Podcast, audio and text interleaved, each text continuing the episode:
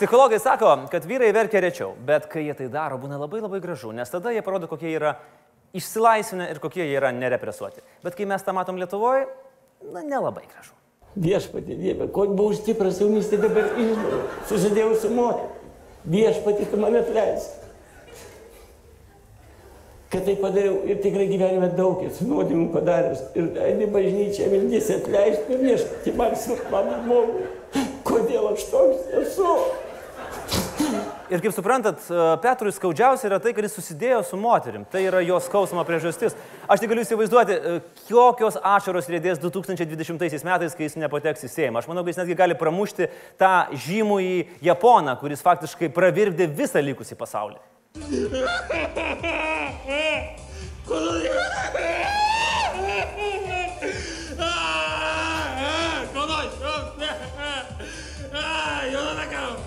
Žinot, dar 2014 metais e, šitam elgesiui, ne Japono, o Gražulio, e, vienas neprofesionalus daktaras pateikė labai profesionalią diagnozę. Jis yra toks moralinis pydaras, kad man net baisu pasakyti. Bet aš sakau tai tiesiai šviesiai, nes tai yra normalus žodis, jis pats tokį vartoja. 2014 metai. Rankrašiai nedega, diagnozės nesensta, o laikykitės ten, grįžta savo trečiajam sezonui.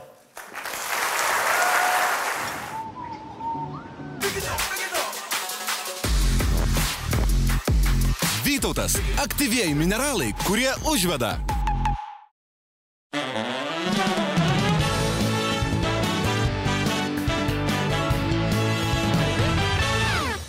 Laikykitės ten, grįžta trečiajam sezonui ir tai jau šis tas, juk tiek sezonų savo postą neišbuvo nei vienas ryto treneris. Meilė trunka trejus metus, tai man net širdis suvirpo pagalvojus, kas bus, kai sezonas baigsis. Aišku, bus, bus daug ašarų. Na, bet e, pirmasis mūsų sezono miestas yra visiškai unikalus. Jo gatvėse grojant bėlai rozai susikabinę už parankių vaikšto gėjai kanibalai, o meras piligrimas už savivaldybės lėšas veža miestiečiams popiežiaus palaiminimą. Taip, iš šių raktinių žodžių atspėt. Tai telšiai. Ir jums dabar šiek tiek telšių naujynų. Nu, čia mano toks žemaitiškas akcentas, kai labai nori, bet nemoki. Užtat telšiai nori ir moka. Neseniai mieste pristatytas naujas turistų traukos objektas - horizontaliai suženklintas kelias. Lajų takas anikščiuose verkia, nes tokių takų pasaulyje daug, o horizontaliai suženklintas ir ufonautų nusileidimo takų paverstas kelias, sedos plentas pasaulyje yra tik vienas. Taip kad telšiai, for we win. Ah, šypsotės ir teisingai darot, juk telšiai save vadina 500 šypsenų miestų. Įsivaizduojat, mieste 22 tūkstančiai gyventojų, o šypsenų tik 500. Tai arba labai nelaimingas miestas, arba labai trūksta odontologų, viens iš dviejų. Bet čia yra netikslumų. Šypseną galima kai kuriems žmonėms nurašyti. Na, pavyzdžiui, Varniuose gyvenančiai žymiai smėlio valgytojai Stanislavai, kurios likimu buvo susirūpinęs mūsų vlogeris Demiko. Telšių rajonas turi garsėją Stanislavą, kuri valgydama smėlį nuskambėjo per visą pasaulį. Wow. Aš tikiuosi, kad dar turi. Googlinau, tai nieko neradau. Tikiuosi, Stanislava dar gyva. Stanislavai beveik viskas gerai. Beveik. Išskyrus tai, kad varnių parduotuvėje prispyrus dideliam reikalui, jai nebuvo leista pasinaudoti tualetu. Smėlio mėgėja nesutriko ir, kaip čia gražiau pasakius, smėlio pilį pastatė tiesiog parduotuvė. Gavo 15 eurų baudą ir liovėsi šypsotis. Tad telšiai yra 499 šypsenų miestas. Bet visi kiti telšiuose šypsosi. Pavyzdžiui, meras Petras Kusinas. O ko ne? O ko ne? Meras nepersidirba. Pagal darbo tvarkę vienas pasitarimas per dieną ir laisvė. Yra laiko ir šypsotis, ir bėgioti. Birželį jis šypsodamasis pabėgo iš darbo partijos, kuri grįžus Vikserui jam pasirodė neperspektyvi. O Liepa jau grįžo į darbo partiją, nes kažkaip pamatė perspektyvas. Šypsosi telšiuose ir visi politikai, dalyvaujantis bendrame projekte Telšiai Lietuvos politinių rėtenų sostinė 2018. Klausykit, pernai žiemą Telšiuose subirėjo koalicija, kai šypsodėmėsi iš jos pasitraukė konservatoriai su valstiečiais. Taip, telšiuose konservatoriai su valstiečiais yra va taip, pat. čia maščio vanduo stebuklingas. Gegužė, darbėtis, po to nebedarbėtis, po to vėl darbėtis meras a, Kuizinas nesėkmingai bandė atleisti vienintelių likusių partnerių Sotsdemo administracijos direktorių Saulių Urboną. Na, bet nuotraukoje matome, ponas Urbonas arba siunčia butuką miestiečiams, arba mėgina švilpauti e, kaip e, lemingas. Sotsdemų šypsenos prigeso, mieste liko 498. Liepą jie sumetė skudurus su konservatoriais. Jo, telšiuose po to konservatoriai susimeta skudurus su socdemais, maščio vanduo. Ir tada draugė pabandė išspirti abu administracijos direktoriaus pavaduotojus darbiečius. Nepavyko. Darbiečiai liko stovėti kaip stovi laisvė, o meras atkalė į kepenis ir atleido vicemerą socdemą Kestutį Gusarovą. Kiek liko šypsenų? 497. Ir meras pasidalijo jausmingų įrašų savivaldybės Facebook'e. Apmaudu, kad turėjote stebėti šį procesą, bet esame tarsi viena didelė šeima, kuri... Ne, man žinokit, be muzikos nesiskaito. Seniūne, leisk iš savo flešiuko man muziką.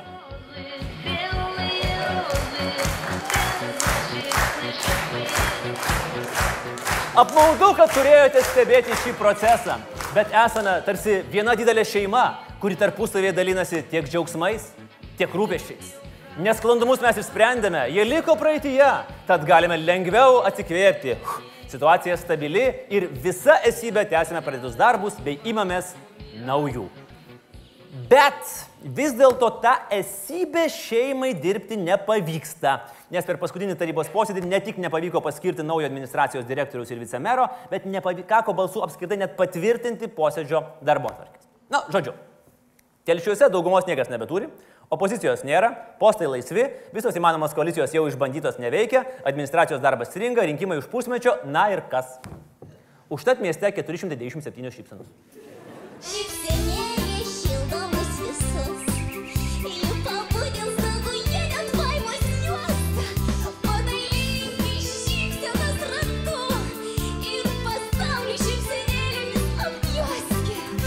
Bet nieko tokio. Jeigu rimtai, Telšė yra nuostabiai gražus istorinis miestas, kuris išskėtęs rankas laukia turistų iš Lietuvos ir iš užsienio. Unikalus Telšiuose yra ne tik lėktuvų nusileidimo takas Sedos plente, unikali yra ir Telšių puslapio angliška versija, kurioje dėkingi užsienio turistai visų pirma sužino, kad Petras Kuizinas was born in Kelme district in 1960 year on the 25th of May. His parents were hardworking peasants. Ir jeigu mero biografija nėra turistų traukos magnetas, aš tada nebežinau, kas dar juos gali. būti. Atvažiuokit į telšius. Atvažiuokit, aplankykit senamestį, katedrą, aplankykit Mašio pakrantę, pamatykit 497 šypsenas, patikėkit, tikrai verta. Bet atsargiai, atsargiai, nes kažkada netrukus vairuotojo pažymėjimą vėl atgaus girtas po miestą lakstė Žemaitės gimnazijos direktorius kurį telšių tarybėlė išsuko, išsuko, nes kai kurių narių nuomonė alkoholį jis galėjo vartoti kaip vaistukus. Atvažiuokit į telšius, atvažiuokit, tik tai, beje, jeigu busit varniuose ir staiga prispirs didelis reikalas, tai patys kalti. O visiems čia gyvenantiems kitais metais artėja rinkimų lavina. Pagalvokit, gal verta pakelti užpakalius, suburti bendruomenių šviesuolius ir duoti šansą pavaldyti jiems? Ar taip ir liksit prie nomenklatūrinių vyručių pilkais kostiumais, kurie kaip seni svingeriai vėl bandys įvairias koalicijų sueitis, o išgvaltavoti pasijus tik tie vis dar besišypsantis 500 žemaičių. Bet galvoti, už ką balsuoti reikės visai Lietuvai. Nors laikykitės ten savaitę pradedame puikia naujiena. Lietuva pagaliau vėl turi karalių. Ne, mes netapo monarchija. Tiesiog dar vienas bičias pasiekė buvusio Seimo nario Lino karaliaus pėdomis ir neteko mandato, nes nesuvaldė pirštukų ties svetimais mygtukais. Nesuvaldė pirštukų ties svetimais mygtukais. Pukas, Gasiūnas ir Bartas šitam pritarė. Konservatorius Vidas Urbonavičius, dabar jau buvęs Vilniaus miesto savivaldybės narys, nusprendė, jog yra visai ok pabalsuoti už posėdėje nesantį savo partijos kolegą Arvidą Sekmoką.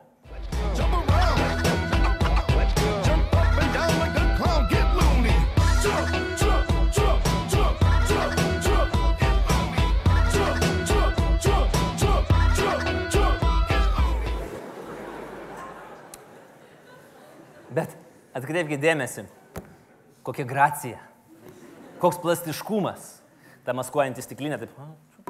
Ir tikrai taip dėmesio net kreipiantis šoliukas su visą kitą. Bet e, pikti konkurentai užmatė ir Urbonavičius padėjo mandatą. Na, visiškas nesėkmokas, kaip galima sakyti. E, Pats Urbanavičius labai atsiprašė dėl emocionalaus ir neapgalvoto poelgio. Emocionalaus? Jūs pats dar kartą savo šuliuką su kėde pažiūrėkit. Visiškas pro. Kaip sako Benediktas Vanagas, kas skiria profą nuo mėgėjo? 10 tūkstančių paspaustų svetimų mygtukų. Įdomu, ką Urbanavičius veiks dabar. Asmeniniai reikalai kaip ir aptvarkyti, vaiko darželiu pasirūpinta, a, galima toliau sekti karalius pėdomis. Karalius šiuo metu gyvena Pietų Amerikoje ir dalinasi štai tokiais video apie stebuklingas gydančias varles. Seimo narys buvęs. Aš esu jau daug kartų bandęs šitą procedūrą. Galiu pasakyti iš savo patirties, kad kitą dieną vaikštau, šypsausi be priežasties ir pat nesuprantu kodėl. Politinių rūpužiokų perėjimas prie magiškų varlių?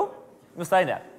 Jeigu Gabrielius Landsbergis e, dar neturi štai tokio o, propso, tai mes būtinai šitą kibirą jam padovanosim. Nes e, čia galėtų būti užrašas, e, šioje e, žemėje konservatoriams vietos nėra. Nes čia jau yra ir Langaitis, ir Urbonavičius, ir Adomėnas, ir Majauskas, kuris beje pareiškė norys kandidatuoti į Vilniaus merus, bet konservatorių prezidiumas sunkiai atsiduso, nu Majauskai, blin, nu baig.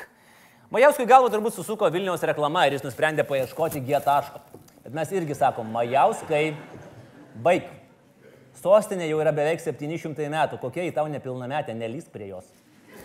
Beje, visi būsimieji merai rugsėjo 3-ąją į Facebooką dėjo foto iš mokyklų. Majausko nuotraukos su mokinukėmis mes vis dar laukiame. Į šitą kibirą gali keliauti ir pagrindinė šios savaitės naujiena. Vygaudas Ušackas, kuris negavęs partijos leidimo, nusprendė eiti į prezidentus pats. Ir paskelbė sprendimą. Kaune prie Laisvės kario šimta tūkstantiniai miniai. Nu gerai, šimta arba tūkstantiniai miniai. Nes leidimas buvo duotas šimtų žmonių ir dar pro šalį ėjo Japonų de delegacija, kuriems buvo labai įdomu, kas čia vyksta. Įsižiūrėjus į kai kurios palaikymo komandos veidus, atrodo, kad Ušackas jiems pasakė, kad mes eisim tiesiog grinorų pakvepuoti prie pilies ir jie tokie atrodo biškutį prigauti. Ta prasme. Kas į prezidentus? Jis į prezidentus? Pala, pala. Na, bet Jogaila Markūnas pagamino gražią tribūnėlę su užrašu žmonių ambasadorius. Palauk, Nu, gerai, jeigu Ušackas žmonių ambasadorius, tai o kas tada kiti kandidatai? Nausėda žmonių bankininkas, Puteigi žmonių kreditas, Maldeikienė žmonių gerklė, Skvernelį žmonių patrulis. Na, o paradinė Ušacko kalba verta analizės. Aš turiu svajonių, sako jis. Tai gerai, nes galbūt jis ir ne Martinas Liuteris Kingas, bet tikrai ir ne Vėlyvio kurva, nes turi svajonių. Aš, sako kandidatas, būsiu jūsų valia, viltis ir išmintis. O čia yra stipru. Jis paims mūsų, mūsų valią, viltį ir išmintį, nes kam į mums, kai yra vadas. Netgi Povilaitis. Netgi Povilaitis žadėjo, kad jis mums bus tik šešėlis ir brolis. su savo mylimos šeimos ir jūsų palaikymu, bei Dievo palaime, aš sieksiu būti jūsų viltis, valia ir išmintis. Nors rytoj, sakau, tau būsiu tau šešėliu. Negyvoja Lietuva. Saulė švies planetoje šaltoj. Jeigu partijos rinkimuose laimės Kremliaus kandidatas, aš eisiu iki galo nusispjaudamas į bet ką. Tai čia jeigu Žatskas, kaip suprantu, pagal jūs. Taip? O jeigu nelaimės Kokios iškalbingos tylos? Kremliaus kandidatas, tai aš sujungsiu jėgas su tuo kandidatu ir kovosim su Kremliaus kandidatais toliau. Ai, kokie bus konservų primary rinkimai su žygio ir vygio šokiu. Ušasko šūkis žinoma įspūdingas, bet reikia pripažinti, jis nepataiko į target auditoriją. Na įsivaizduokit kitokį šūkį. Aš būsiu jūsų prostata, jūsų hemorojus ir jūsų osteochondrozė.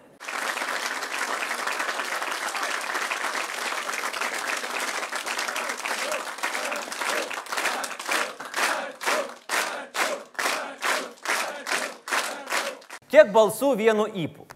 Bet aišku, man asmeniškai turbūt reikėtų gal šiek tiek apsiraminti, kalbant apie Ušatską. Ir tegul Tapinas baigia šmeišti mane. Tapinai baig šmeižti. Baikit Tapinai šmeižti baig mane. Kodėl tave, kodėl, kodėl tave aš įžeidžiau? Buvau negeras, tau buvau tamsus kaip vakaras. Dabar ir vėl tau geras, geras būt pasižadu. Tegul rusens mūsų žydinių ugnekuras. Bet Vygaudai jūs kažkoks labai nervingas. Jeigu jau dabar tokie dalykai per diafragmą kalą, tai kas bus, kai reikės Lietuvos interesus jau aukščiausių lygių ginti? Na, pamatysim, kas bus. Bet pripažinkit, būtų buvę tikrai įdomu, jeigu išplatinęs daugiau nei 600 tūkstančių laiškų ir sukvietęs visus į Kauną, Ušackas būtų užlipęs į tribūną ir pasakęs, žinot, visus čia surinkau tam, kad pasakyčiau, jog nekandidatuoju. Čia būtų tas pats, kas visais įmanomais būdais kabinti merginą, verstis per galvą, siekiant atkreipti jos dėmesį. Ir tą vakarą, kai jau pagaliau sutinka ateiti pas tave vakarienės, žvakių šviesai tu ją apkabini ir kai jau padeda galvą tavo ant pėties, sakai, žinai, tavo taksas jau važiuoja. E, Bijau, kad Ušaskui gali taip rūpėti asmeninė šlovė šiame poste, kad Lietuvos interesai liks antrame plane. Kaip va tas bičias, miliutės interviu. Panaikintas mandatas e, Rusijos dūmai. Dalyvaus kiti žmonės. E, daly- Dalyvaus e, Slava Nozemcevas, kuris ir persikimas ir šiuo metu dirba Berlyne, tarp Berlyno ir Varšuvos, bet dalyvaus ir tie žmonės, e, ekspertai, kurie turi prieigą. Pirmasis rinkėjas, taip sakant, sakė, ateik pabalsuok, bet nes nepasakė, kad dar nereikia taip skubėti. Gerai, savigaudo viskas yra aišku, dėl kito kandidato Lietuva skendi nežinioji. Ir klausosi jo mislingų pamastymų tariamąją nuosaką. SEB banką po 300 metų darbo paliko Gitanas Nausėda. Ir kad bent kas nors įtartų, ką Gitanas planuoja veikti ateityje. Nu, kad bent kas, nu, kažkokia užuomina. Nes dabar visiškai nežinia. O Šimonytė žada eiti į prezidentus su sąlyga, jeigu atsikurs radio šou. O radio šou paima ir atsikūrė. Konservų pakalykė pareiškė, kad jį balotiruosis į prezikus tik su sąlyga, kad atsikurs radio šau. Aš, kaip vienintelis išlygęs gyvas radio šau lėliukas ir influenceris, pareiškiu. Ingrida, tu dar pats anka, tau viskas prieš akis. Nežlugdyk savo karjeros tuščiais sėdėdama su Seimo retardais iš kaimų. Ingrida Foze Win, Šimonytė Foze Prezik. Žodžiu, konservatorių kandidatų atrodo rinkimuose bus tiek, kad reikės vaikščioti atsargiai kaip būte, kur yra mažas katinukas, kad tik ant kokio kandidato tu neužmintų. O Kauno meras Visvaldas Matijošaitis, paklausęs, ar turi ambicijų būti nacionalinio lygio politikų, pareiškė, jog atsakys liaudiškai. Tai yra paėmė žodžius iš Mikutavičiaus dainos Aš tikrai myliu Lietuvą. Visvaldai. Paimti Mikutavičiaus tekstą nereiškia atsakyti liaudiškai. Na, bet tiek to. Antra vertus, Visvaldai, dėkokit likimui, kad e, toje laidoje prisiminėt būtent šitą vietą. Nes galėjot pasakyti ir kitus dalykus. Palieku netvarkytus namus ir išeinu vėlai. Paleistas nuo grandinės, dabar geriausi mūsų vakarai. O čia tai būtų išėjimas į nacionalinę politiką. Paleistas nuo grandinės. Na, bet e, jeigu Matijošaitis patrauks į sostinę, Kaune tikrai liks tik balintos sienos. Beje, kiti politikai irgi galėtų iš žurnalistų klausimus atsakinėti Marijos Mikutavičiaus dainų ištraukomis. Pavyzdžiui, Ramūnas Karbauskis. Tenai, tenai, man virš galvos sparnuoti demonai. Išalkę sielų, vėl ratą suka. Gitanas Nausėda. Gal ir vėl tu galvoji, kad dar per anksti ir dar nelaikas mums eiti pirmin. Gal tu vėl abejoji pačiu savimi, juk abejoti mes galim visi. Saulis Kvernelis galėtų klausti rinkėjų. Ar mylėsi tu mane, kai ruduo ateis, kai sena šalta žiema žemė nusileis? Ar mylėsi tu mane, kai pražios plaukai? Tu neatsakai. O kiekvienas mūsų politikas ir rinkėjas turėtų nepamiršti. Jeigu gali būti politikas, išversta kainas, reiškia gali būti seks, seks, seksas, to meilės. O dabar kitos naujienos. Vyriausybė nusprendė, kad geriausia reforma yra ministerijų pavadinimų pakeitimai. Ūkio ministerija tampa ekonomikos ir inovacijų ministerija, o švietimo ir mokslo ministerija nuo šiol bus švietimo, mokslo ir sporto ministerija. Kodėl sporto? O, tik priminsiu, kad ministrės vyro įmonės veikloje yra įrašyta baidarių ir dviračių nuoma, gal dėl to. Tačiau turint omeny, kad ministrės vyro įmonė laimėjo 12 viešųjų pirkimų iš įmonių, kurių dauguma susijusios su ministerija, tai dar būtų galima pridėti švietimo, mokslo, sporto ir geros santokos reikalų ministerija. Ministrės vyras aiškina, kad su žmona apie verslą nekalba, tai gali būti, kad ji ir nežinojo. Pirma, ta prasme, baigim. Apie verslą nekalba su žmona. Nu, baigim, aš prašau. Dar pasakykit, kad algos netiduoda žmonai, tai tikrai jokia etikos komisija nepatikės. Bet, kaip sakė baronas Dekubertenas ir Paulo Coelho, svarbiausia nedalyvauti, o laimėti viešuosius pirkimus. Bet kam stabdyti? Kitos ministerijos pačios nepasivadins, reikia padėti.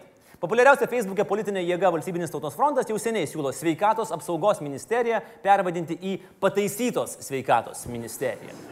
Aš manau, kad aplinkos ministerija, nors ir pavėluotai, reikėtų pervadinti į aplinkos kaltos ministeriją. Na, o toliau, toliau prie visų kitų minis- ministerijų tai reikia pridėti žodį sporto. Nes sporto niekada Lietuvoje nebus per daug. Užsienio reikalų ir sporto ministerija, socialinės apsaugos darbo ir sporto ministerija, kultūros ir sporto ministerija arba tiesiog kūno kultūros ministerija. O dabar geroji savaitės naujiena. Krinicos ekonomikos forume Lenkijoje, tai yra toks rytų Europos Davosas, Saulis Kvernelis buvo paskelbtas metų žmogumi. Anksčiau Krinicoje metų žmogumi buvo paskelbti popiežius Jonas Paulius II, Lechas Valensa, Vaslavas Havelas. Ir štai dabar Saulis Kvernelis. Nu, žiauriai įdomu. Ką tokio gero padarė Skvernelis, kad mes čia nieko nepastebėjom, o Valenkai pastebėjo ir įvertino. Na, panašu, kad kol mes čia trypčiojom, Lenkai jau išsirinko, kas bus kitas Lietuvos prezidentas. Gitanai savo sprendimo jau gali ir nebeskelbti. Va tokia tad buvo nuostabi savaitė mūsų nuostabioje valstybėje. Gynyba. Na, kas pirmiausia šauna į galvą, kai išgirstame šį gražų lietuvišką žodį gynyba. Nerius Kesminas. Čelsi vėl pastatė autobusą vartuose prieš Barceloną. Netikėtumas? Galbūt. Sensacija? Tikrai ne. Aišku, jokauju, lietuviui negali visų pirma į galvą šauti mintis apie futbolą. Lietuviui tikra gynyba yra tada, kai valančiūnas daro stepautą prie tritaškio, pa mūsų krepšių atsiranda skylė ir gaunam lengvus taškus. Vat ir riek savo defense, defense. O gal sicilietiškoji gynyba? Nu, ta, kur nedalyvauja bičiai, kurie sako, I made him an offer he could not refuse. Ne, ne, tai šachmatų terminas. Irgi nelabai aktualus Lietuvai, nes mes jau antrus metus gyvename šaškių pasaulyje. Ir mes matom Seime manevrus. Taip, op, op, op, dviem ėjimais ir jau damkėse. O gal gynyba yra teisme? Juk buvęs darbėtis Vytautas Gapšys MG Baltic byloje pats metė kaltinimus prokurorui. Kaltinamasis aktas surašytas selektyviai, o patys kaltinimai, pasak jo, be chronologinės tvarkos. Matot, bičias tiek prisidirbęs, kad jam reikia, kad kažkas kaltinimus sudėliotų chronologinę tvarką, nes jisai nebesusigaudė. Ir šiaip, prelegentas laikosi nuomonės, kad geriausia gynyba yra, aišku, puolimas. Na, dar yra žinoma gynybos advokatė Svetlana Pronina, kuri garsi tuo, kad pro ją praeini, tai tas pats, kas soliariume užmėgi. Galima rinktis buvusi Rolando Pakso advokatą gynėją Stanislavą Tomą, kuris gyrėsi studijavęs 15 universitetų, ne visi universitetai apie tai žino, moka 12 kalbų, sako, turys genialumą skatinančią DNR struktūrą, padniestrės advokato licenciją ir tiki ateiviais. Beje, su juo turėti reikalų net nerekomenduoja pats Viktoras Uspaskik. Tai jeigu jau sugebėjai Uspaskikų neįtikti, tai tu tikrai esi labai rimtas advokatas. Galime rinktis ir kito gynybos specialisto Simo Josaičio gynybos specialistą Albertą Bandžių, kuris buvusios žmonos teigimu nuo 2010 metų dėl skolų yra ieškomos 11 antstolių kontorų. Kaip visa futbolo komanda eina. Keturi antstoliai gynyboje, trys saugai, du kraštai svaro ir vienas antstolis puolimas maigali. Advokatas figuruoja ir dėl smurto artimoje aplinkoje, bet Rūtos, nu, ta, kuri normaliai iš Alankaunė, ta kita, laidoj turėjo labai gerą paaiškinimą. Dėl smurto. Jis valgė, o buvusi žmona be atsiklausimo atėjo į kambarį ir atsisėdo. Va čia yra viršūnė. Jeigu jau tokie dalykai nėra pagrindas smurto artimoje aplinkoje, aš nebežinau, kas tada dar gali būti. Žodžiu, gynybų yra įvairių ir visokių reikia. Na nu, gerai, ne visokių. Bet vienas svarbiausių dalykų Lietuvos istorijoje yra, aišku, krašto gynyba. Ir šiandien kalbėsime apie išlaidas šalies gynybai ir partijų nacionalinį susitarimą šią temą. Tiksliau, nacionalinį susitarimą minus Paluckas. Nes kaip ir sutarėm, kad nuo 2 BVP procentų didinsim iki pustrečio, bet Paluckas užsiožiavo ir pasakė, net. Nu, čia toks pat netaktas, kaip tu perki dovaną jauniesiems, mes visi sutarėm, kad metamės po 5 eurų ir perkam virtuvės kombainą ir vienas bičias sako, kad ne, per daug. Netokie jie man yra timi draugai, perkam geriau samčių rinkį. Prie samčių mes dar grįšim, kadangi socdemai ir samčiai viens nuo kito neatsiejami dalykai, kaip, nežinau, Batmanas ir Robinas, kebabas, majonezas, gražulis, prezervatyvai. Šitas netinkamas variantas visiškai. A, gerai, kodėl krašto gynyba mums yra svarbi? Nes pamokos. Liūdnos, istorinės. Tarpukario Lietuva turėjo tris potencialius priešininkus - kaiminystai ir tik vieną draugą. Šalies apsaugai buvo skirima apie penktadalį biudžeto. Ir vis tiek, kai prisireikė gintis, iššaut pamiršom. Nu čia kaip mokyklai. Pusę nakties kalita Maironio eilėraštį, išmoksti, išmoksti ir kai mokytoja pakviečia prie lentos, tai nu niekaip neprisimeni pirmos eilutės. Kaip ten ta trakupilis apaugus? Stovi, myki, nu, dvejetas, gėda, blogas vidurkis. Tai mes tokį blogą vidurkį turėjom 50 metų. Atkūrus nepriklausomybę priešų tarsi buvo mažiau. Nu, ką ten mažiau? Tuomet apskritai atrodė, kad jų nėra. Latvijai braliukai, Lenkai strateginiai partneriai, Baltarusijai dar be Batkos, Rusija ten juk Jelcinas, ten viskas gerai. Atrodė mes visi draugai.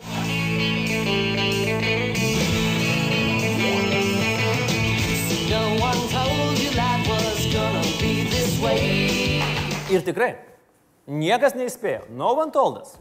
Laimiai, tie, kurie nuo nulio kūrė mūsų krašto apsaugos sistemą, suprato Syvis pakėm parabelum. Nori taikos, ruoškis karui. Ir nors tuo metu atrodė, kad jau kaip rašė Francis Fukuyama, istorijos pabaiga, liberalioji demokratija nugalėjo amžiams, bet kariškiai to ir yra ypatingi, kad jie ruošiasi potencialioms grėsmėms, o ne esamoms. Kalbama, kad Pentagono seifuose guli atitinkami kovos planai, jeigu Amerika užpultų Kanadą, Meksiką ir netgi ufonautai. Jie bus pasiruošę. Žinot, susisgripti tikrai yra per vėlų, kai tu staiga gauni ultimatumą ir wow, wow, wow, wow, reikia šaudmenų, reikia tvaršių, reikia uh, pult skambinti prie žiūriuko atostogaujantiems kariams, o jau Gedimino prospektu jau rėta tankai ir Paleckiukas jau mėto gėlės. Na, čia tas pats, kas gavus kvietimą į gimtadienį, kuriame parašyta netuščiom, tu staiga supranti, kad yra sekmadienis ir dvi minutės po trijų. O kad būtum pasiruošęs eiti į rimtus gimtadienius, reikia tam tikrą dalį savo biudžeto atsidėti. Nuo 93 metų, kai buvo suformuota Lietuvos kariuomenės struktūra ir išlydėti von Rusijos kariškiai, iki 98 tam nepavyko paskirti net 1 procento BVP. Nes buvo svarbesnių reikalų ir, nu, boža, boža, nu kas čia jau mūsų puls. 99 pagaliau tvirtai nusprendėm, didinsim gynybos finansavimą. Pažadam. Ir finansavimas tikrai išaugo. Bet tik įstojom į NATO, iš karto pradėjom sukčiauti. Nu, jau priklausom alijansui, tikslas pasiektas, o ir kitos šalis neskiria tų 2 procentų. Briuselis va apskritai NATO būstinė ir tas net procento nesukrapšto. Ko mums plėšytis? Nu ir žinoma tas pats. Boža, boža, kas čia mūsų puls? O dar tada 2008-aisiais atėjo Gitanas su savo krize ir va taip pat 13 metais beliko vargani 0,7 procentų. Vat jau tada nuo problemų mes gindavome su 0,7. Paskui vis tengiamės padauginti, padauginti ir štai po truputį judam iki to išsvajoto dviejetuko. Ne tiek apie skaičius. Na, juk neskaičiai svarbiausia, kaip jau daug metų sako ryto treneriai, žiūrėdami į švieslentę po mačo su Kauna Žalgiu. Žvelgdami atgal į tą ketvirtį amžiaus su trupučiu, tikrai matysime, kad kariuomenė keitėsi panašiai kaip ir visa visuomenė, tik dar šiek tiek sparčiau. Prasidėjo juk nuo juodais kombinezonais vilkinčių vyrų, vienas su kalašniku, kitas su medžiokliniu šautuvu, o dabar mes turim modernę ginkluotą jėgą su šio laikiniu požiūriu į strategiją, taktiką ir logistiką. Ir nors ji buvo kuriama nuo absoliutaus nulio, netgi po vasario 16-osios buvo paprasčiau. Nu, keli pabūklai buvo atimti iš bermontininkų, dar keli nupirkti iš besitraukiančių vokiečių, nu, kam jums čia ta našta vyručiai duokit mums ir jau žiūrėkit, artilerijos pradmenis yra. O čia mums reikėjo laukti pirmosios labdaros iš Danijos. Haubicų M50, kol galėjom pasidžiaugti pirmąją nuo savo artileriją. 18-aisiais seržanto kumelė atsivedė kumeliuką, va jau turim kavalerijos užuomasgas. Atkuriant kariuomenę net ir arklių, aišku, dabar to nebepa, nebepakako. Tačiau netgi ir improvizuotomis sąlygomis kariuomenės kuriejai turėjo aišku vaizdą, kaip turi atrodyti pagrindinis kovinis vienetas - motorizuota šaulių brigada geležinis vilkas.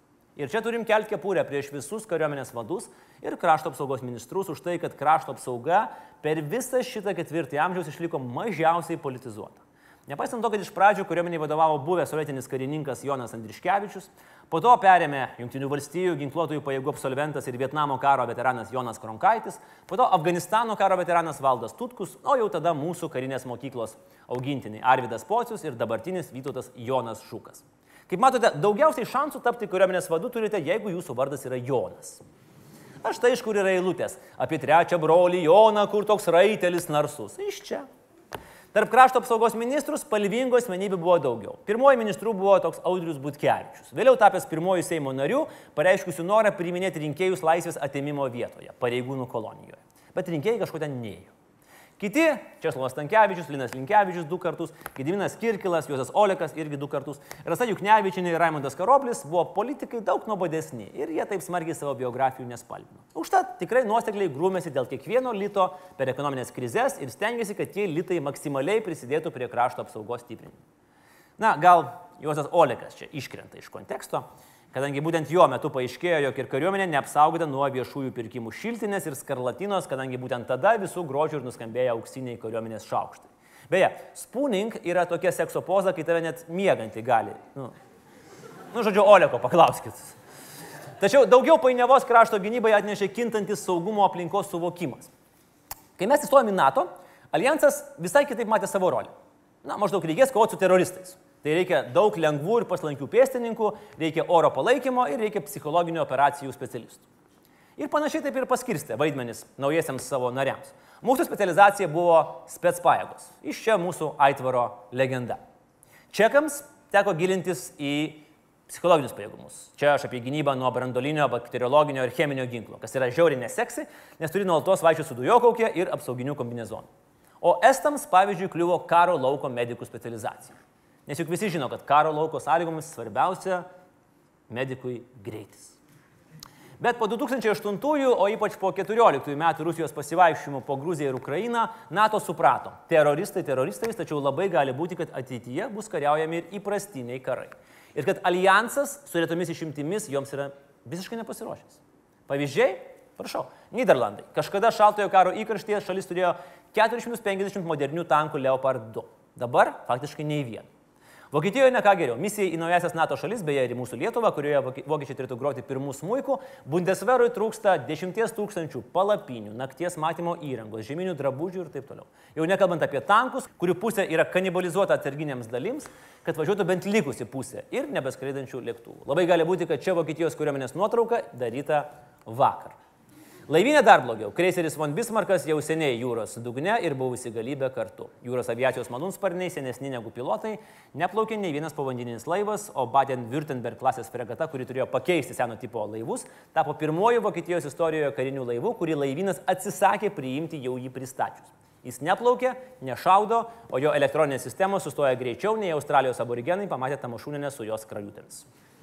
Ir tai yra struktūrinės problemos. Per ilgą savo pacifizmą vokiečiai prisižaidė iki to, kad prarado savo inžinierinius karo įgūdžius, neturi specialistų, kurie mieliau renkasi tiesti rusams Nord Stream 2, o karo infrastruktūra tokia nususiusi, kad net jeigu rytoj Bundestagas padidintų išlaidas gynybai iki tų dviejų nelaimingų procentų, jų nebūtų kaip įsisavinti.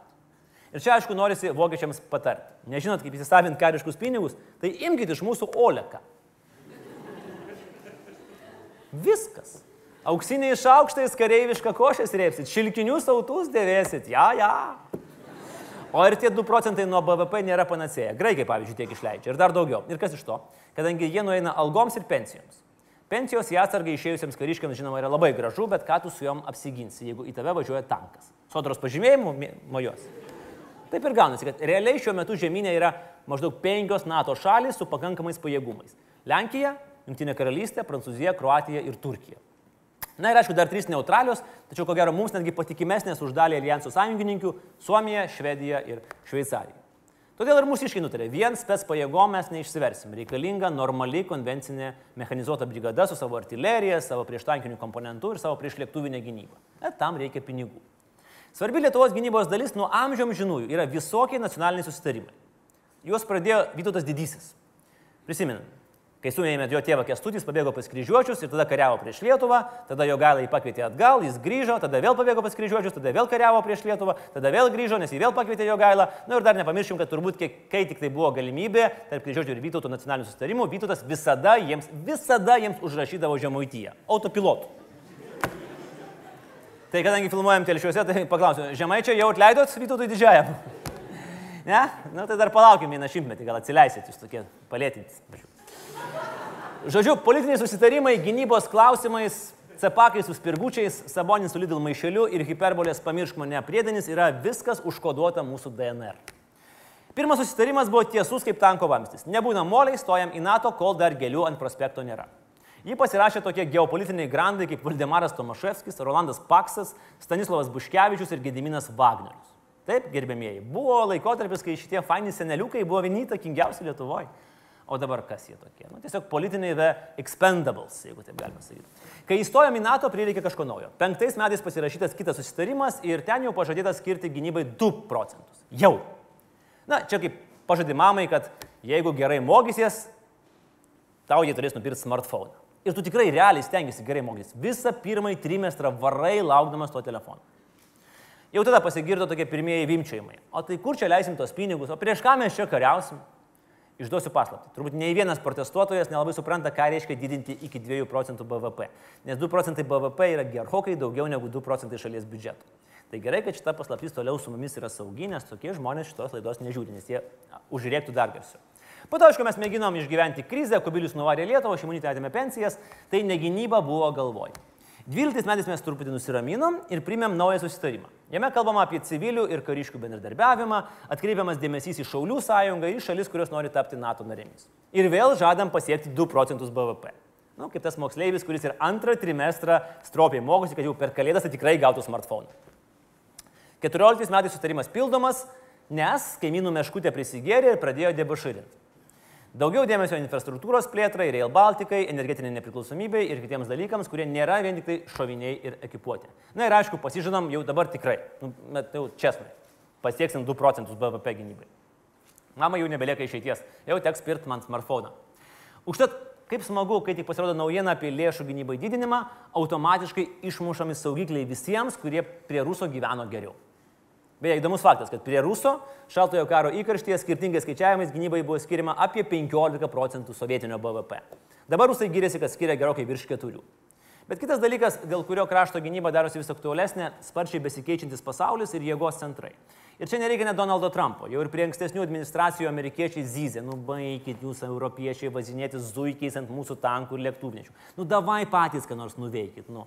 Europiečiai linksėdavo, po to išsikepdavo kruozanų, sukiždavo kokį milijardą į nekomercinių filmų rėmimus ir tada burbėjo, kokie tie amerikiečiai primityvūs, nu baisus dalykas. O amerikiečiams nėra ką daryti, jų laivynas atsako už pasaulio priekybos laisvę. Kai pas jūs, pavyzdžiui, atvažiuoja kokį nors šmutkę iš AliExpreso, jie atvažiuoja tik dėl to garanto. Jiems reikia prižiūrėti Aziją, kad Kinija neimtų valgyti vienos šalies po kitos, jiems reikia domėtis Centrinė ir Pietų Amerika, kad ten neprasidėtų visokie kipišai. Afrika, sveiki, Vidurio rytai, sveiki. Žodžiu, ten, kur trūksta, ten ir striuka. Ir tada lieka klausimas, kiek ilgai mes būsim tik saugumo vartotojai, o kada mes patys pradėsim kurti saugumą savo ir kitiems.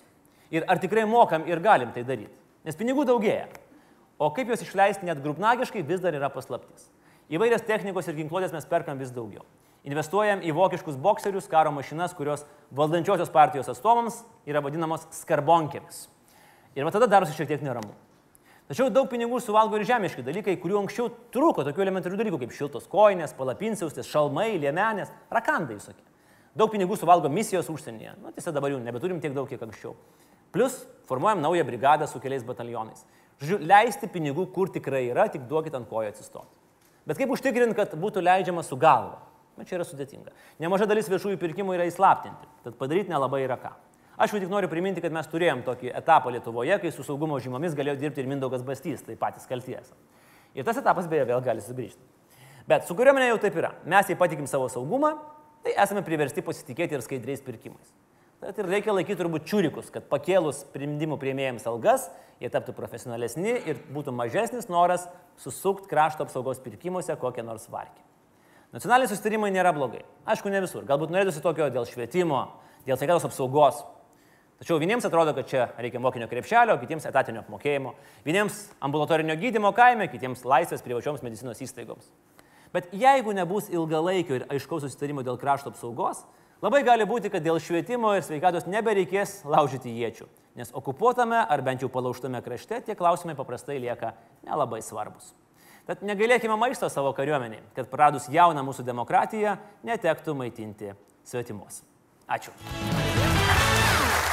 Ačiū visiems, taip šį šiltą vakarą kantriai buvusiai su manim, su mumis visais. Ačiū visai mūsų komandai, ačiū visiems telšiams. Žiūrėkit mus, remkit mus ir turbūt mes vėl sugrįšim, galbūt po rinkimų, pasižiūrėsim, kaipgi jums čia sekasi su sena nauja valdžia. Ačiū visiems, gero vakaro, iki.